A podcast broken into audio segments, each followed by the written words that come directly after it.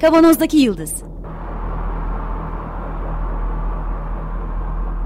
Bugünün penceresinden geleceğin ayak izleri.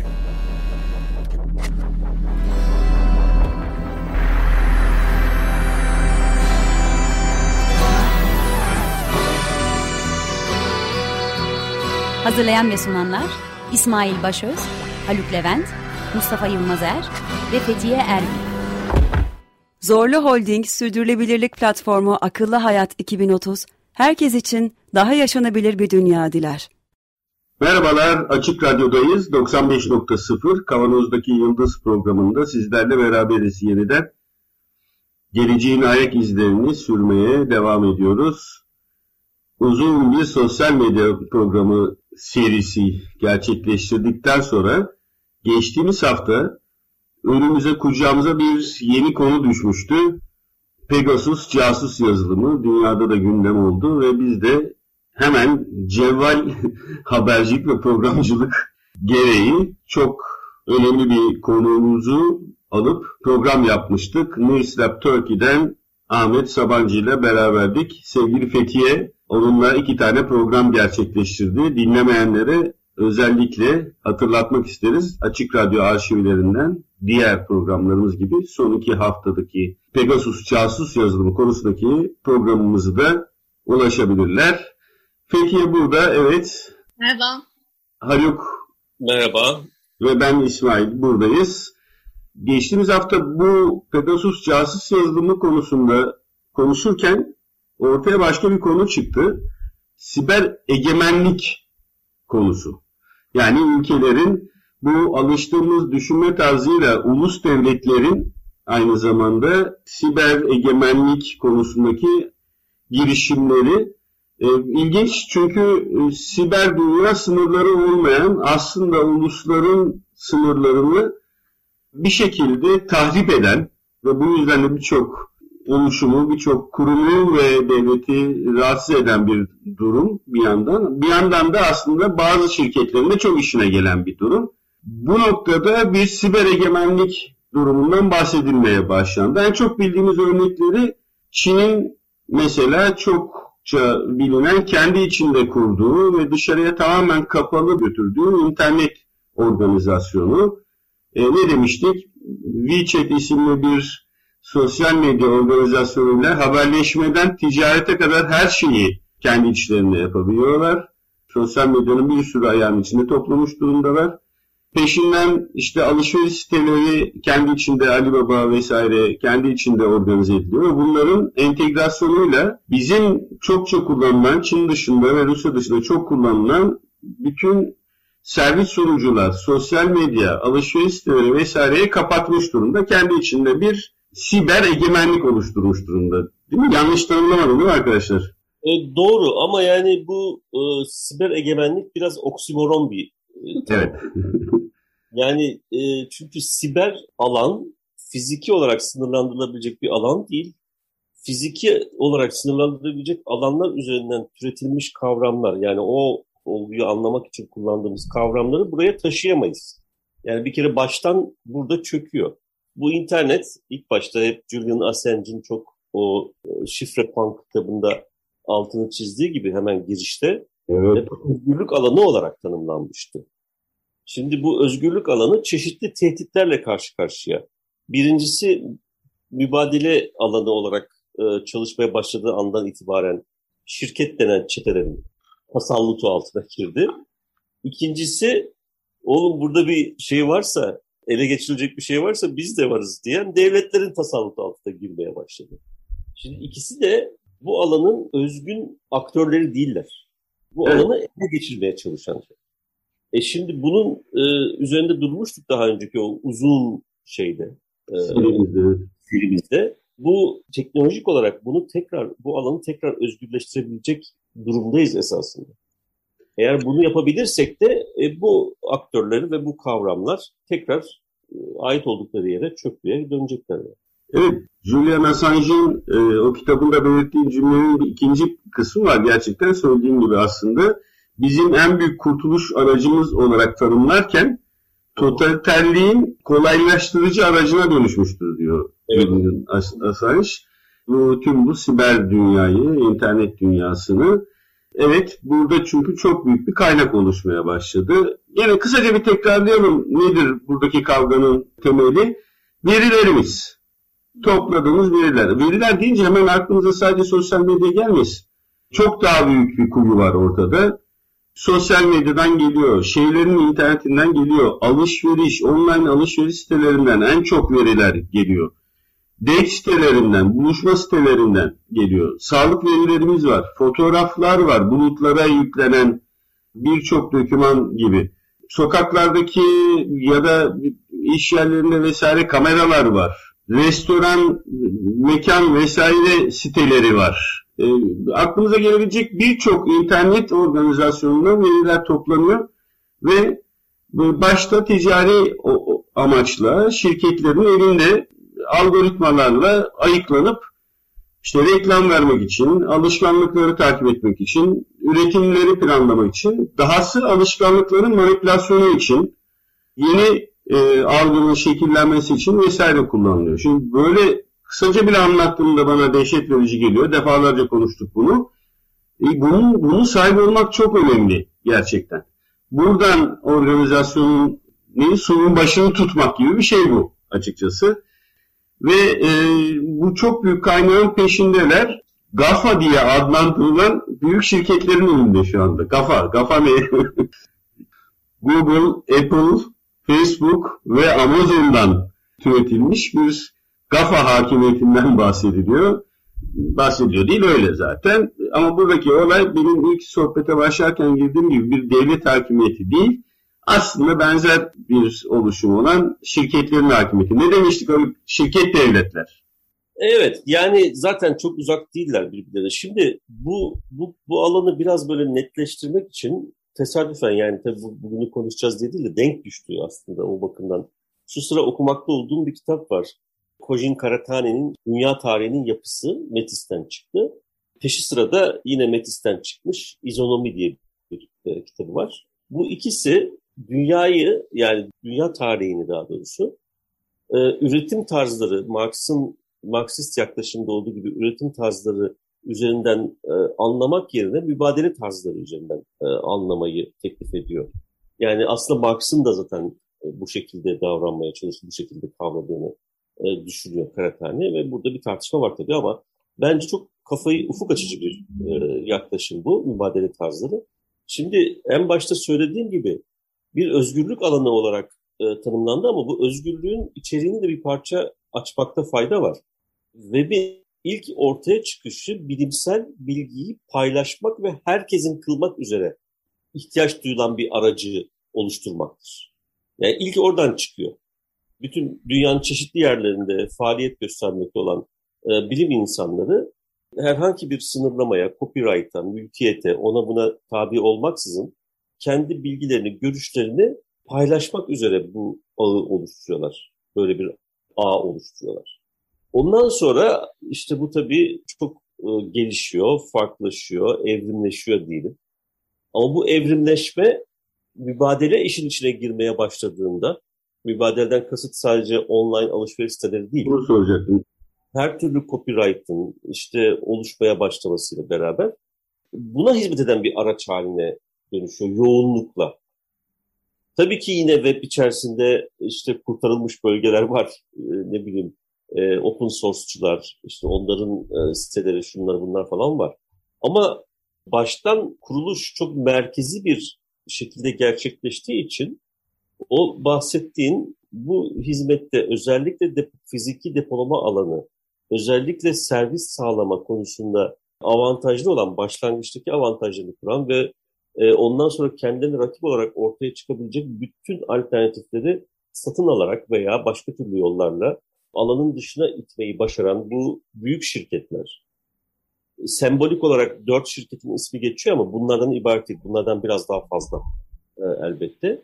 E, bu şirketlerin kendi ticari faaliyetlerini, kendi o bence o kokuşmuş toplumsal yapıyı da oluşturan e, mübadele tarzının işgal ettiği bir alana dönüşüyor. Şimdi e, sonra buradan devletler bir dakika ne oluyor diyorlar. Şimdi bu arada tabii bir küçük parantez daha açmakta fayda var.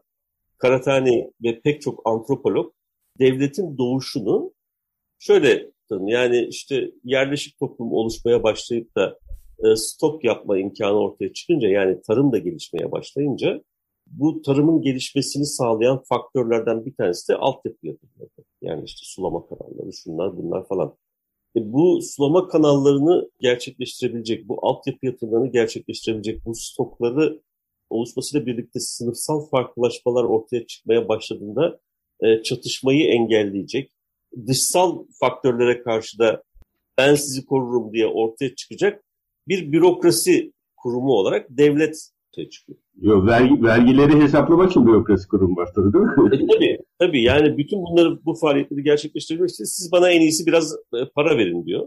Ve yani çok kabalaştırarak anlatıyorum. Tabii canım, ama, bayağı hikaye yaptık şimdi.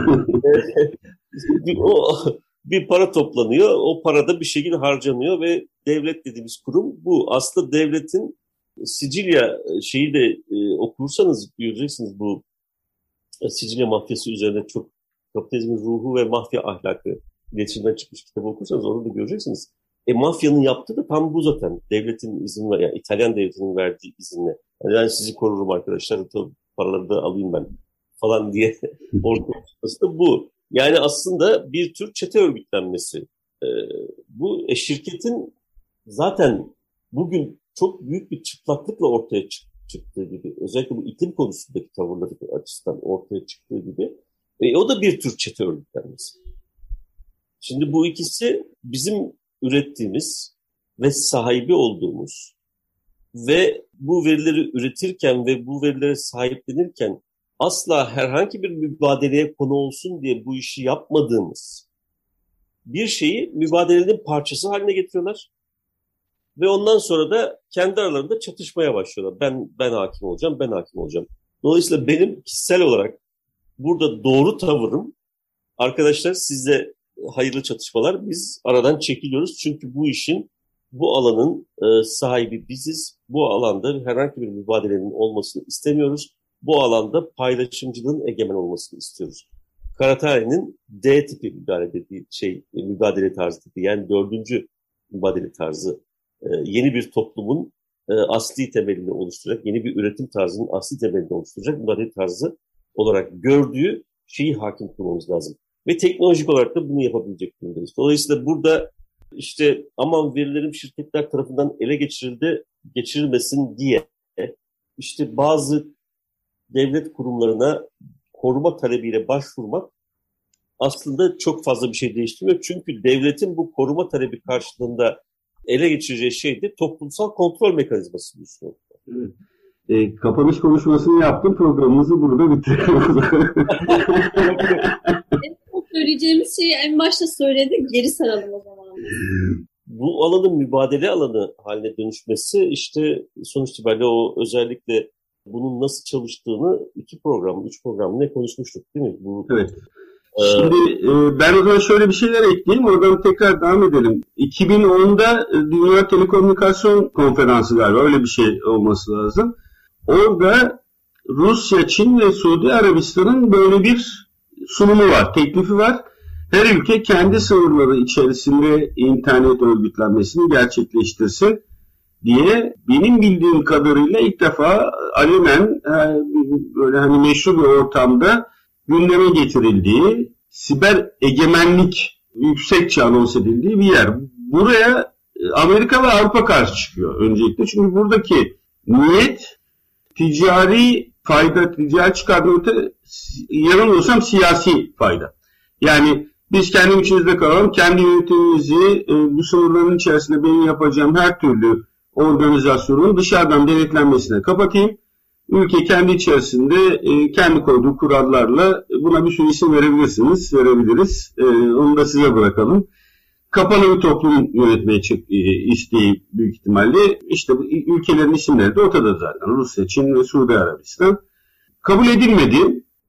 Ha, burada iki tane komedi var. Yani komik unsur var. Bu, bu bunun e, mümkün olamayacağını, imkansız. Yani fiziki sınırlar çerçevesinde internette bir egemenlik alanının tarif edilmesi mümkün olamayacağını gösteren iki tane hikaye var aslında.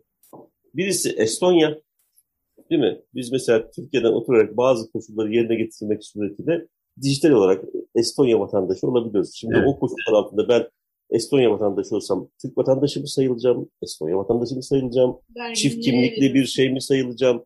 E, üçüncü, dördüncü ülkeler yaparlarsa ben her birine ayrı ayrı üye olursam ben e, hani e, nedir o her meslek yeni bir insandan üzerinden giderek acaba dünya nüfusu bir anda dijital planda dörde beşe mi katlama imkanına kavuşacağız? Neyse birisi bu. İkincisi doğrudan doğruya fiziki alana sahip olmayan internet devleti vardı yanlış hatırlamıyorsam bir yerde.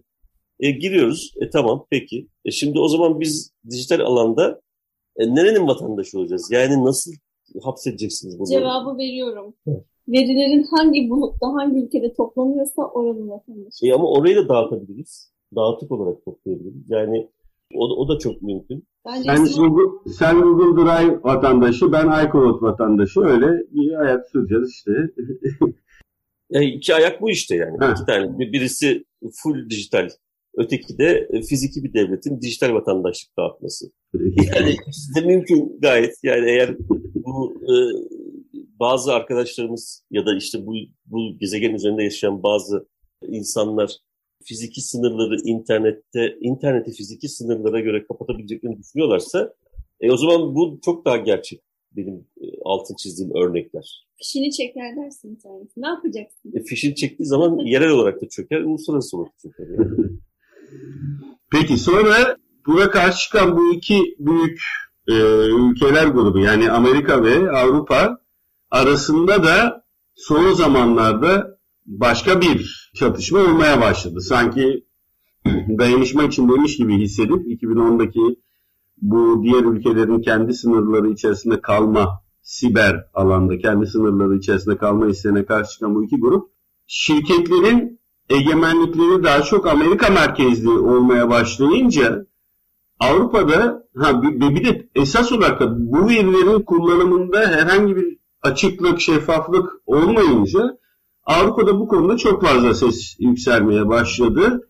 Uzun süredir üstünde konuşuluyordu. En son bildiğim kadarıyla 2019'da Gaia X isminde bir e, veri depo, depolama organizasyonu kararı aldılar. 11 Fransız firması, 11 Alman firması toplanarak Avrupa Birliği'nin de desteğiyle başka bir organizasyon yapmaya karar verdiler. Burada üstüne durdukları açıklık, işbirliği yapabilme potansiyeli, transparansi, şeffaflık ve güven ayağında oluşturulacağını e, ifade ettiler.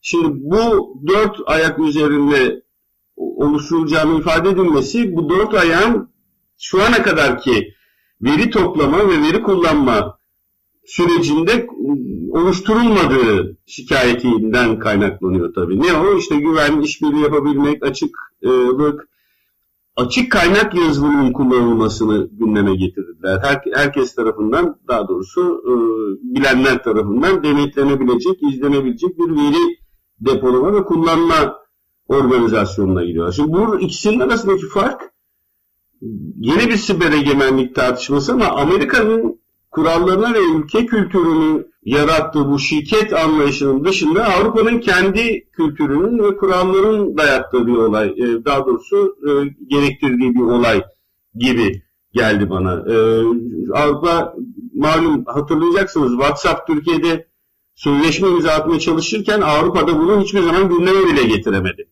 Sadece Türkiye değil daha birçok ülkede çünkü Avrupa'nın kendi düzenlemeleri, Avrupa Birliği'nin kendi düzenlemeleri bu açıdan ben adlandırmakta sakınca görmüyorum. Daha insani, daha daha demokrat diye söyleyebilirim. Buraya kendi bu şirketler, bu büyük şirketler kendi kurallarını dayatamadılar ama Avrupa'nın gördüğü ya bizden çıkan veriler de orada toplanıyor. Yani sadece bu dört şirket de değil birçok bulut şirketi varmış aynı zamanda.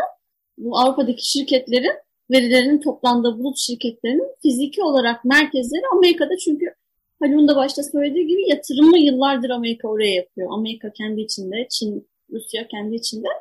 Ve üstelik birkaç tane mahkeme kararı da şunu göstermiş.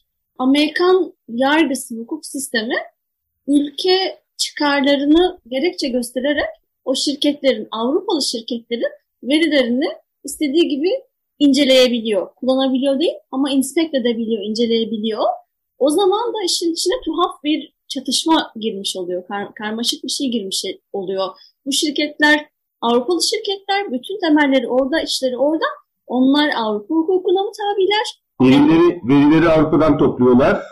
Evet. Avrupa hukukuna mı, Amerika hukukuna mı tabiler? Yani şöyle, şimdi Avrupalı bir şirket düşünelim. O şirket e, bir bulut yazılım çerçevesinde kendi e, şirket verilerini buluta yüklüyor. Niye? İşte yangına, ona buna karşı daha güvenceli olduğu için falan filan diye.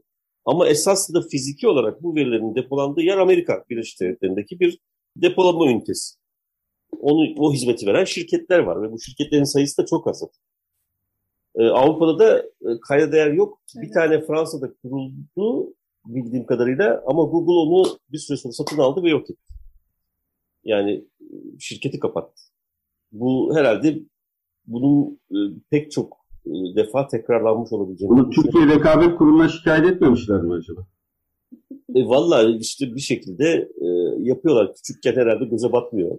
Şimdi Avrupa Birliği'ndeki şirketler de haklı olarak e, irite oluyorlar. Ulan bizim ticari sınırlarımız var. İşte Amerikan hukukuna göre çeşitli gerekçelerde bu fiziki depodaki bilgi, birikmiş olan bilgi incelenebilecek durumda. Yani yasal mevzuat buna el veriyor ve bu sözleşmelerde herhalde imzaladıkları için Amerikan hukuku geçerli falan filan diye imzaladığın zaman bunu da kabul etmiş oluyorsun farkında olmadan. Bunun üzerine işte Avrupa Birliği 2019'da senin bahsettiğin projeyle beraber yani Gaia X Gaia X Gaia proje aslında o ama bir ayağı da Avrupa Birliği sınırları içerisinde böyle bir depolama ünitesi oluşturmak. Bunun için işte Alman ve Fransız şirketleri şey yapıyorlar. Ama biz faniler için bunun e, hayatımızda ne gibi bir değişiklik yaratacağından ben çok emin değilim. Hani bu depolanan bilgiler eninde sonunda bireylerin bilgileri ise şirketlerin yanı sıra. E, o zaman bu e, fiziki depolama alanlarındaki bu bilgiler demek ki o deponun sahibi ya da sahipleri kimlerse onlar tarafından gözetlenebilir, işlenebilir. Her ne iş yapılacaksa yapılabilir. E, bu konuda bir denetim var mı? Avrupa Birliği'nin bu e, yasa tasarısı bir denetim öngörüyor.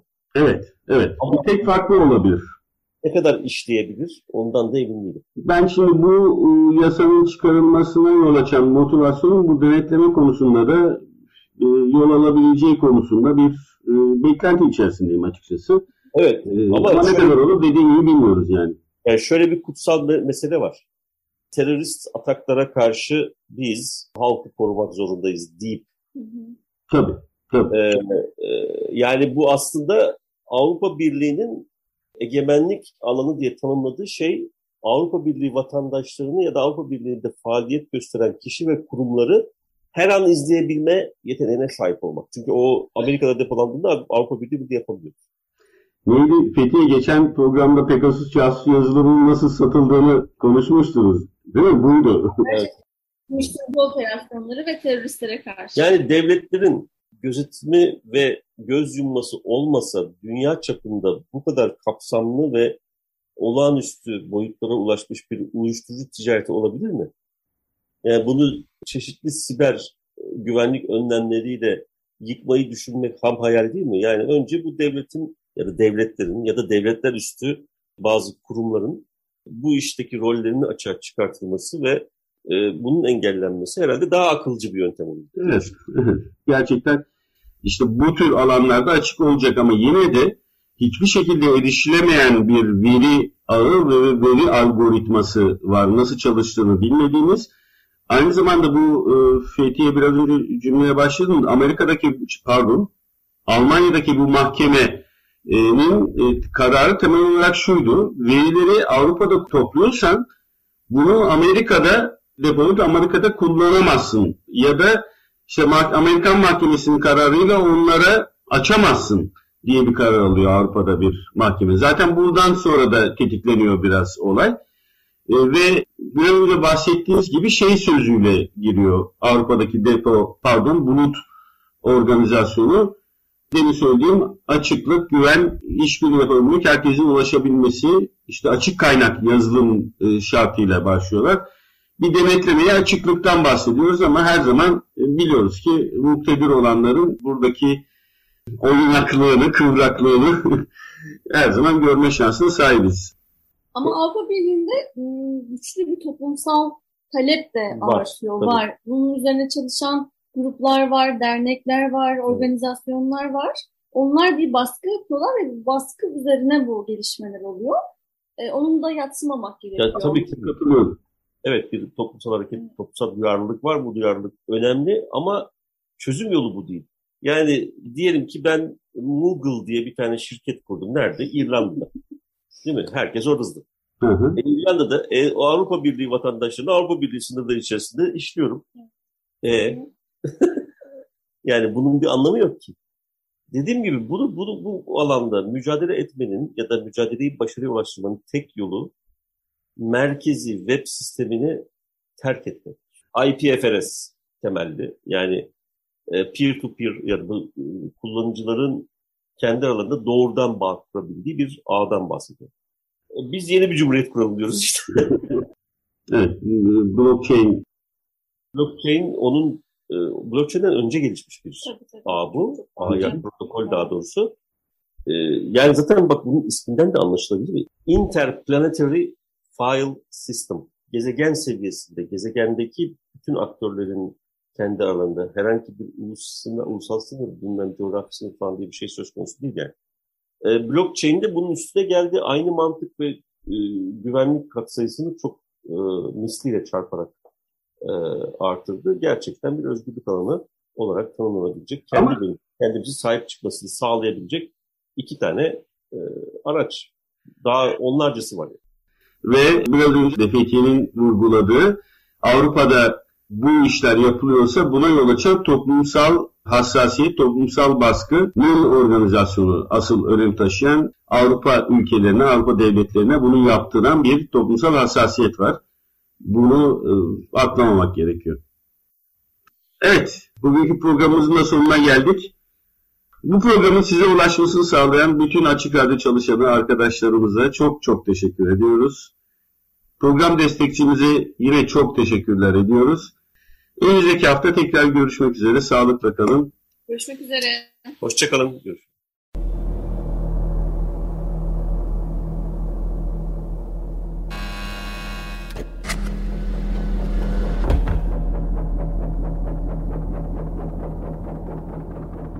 Kavanozdaki Yıldız Bugünün penceresinden geleceğin ayak izleri.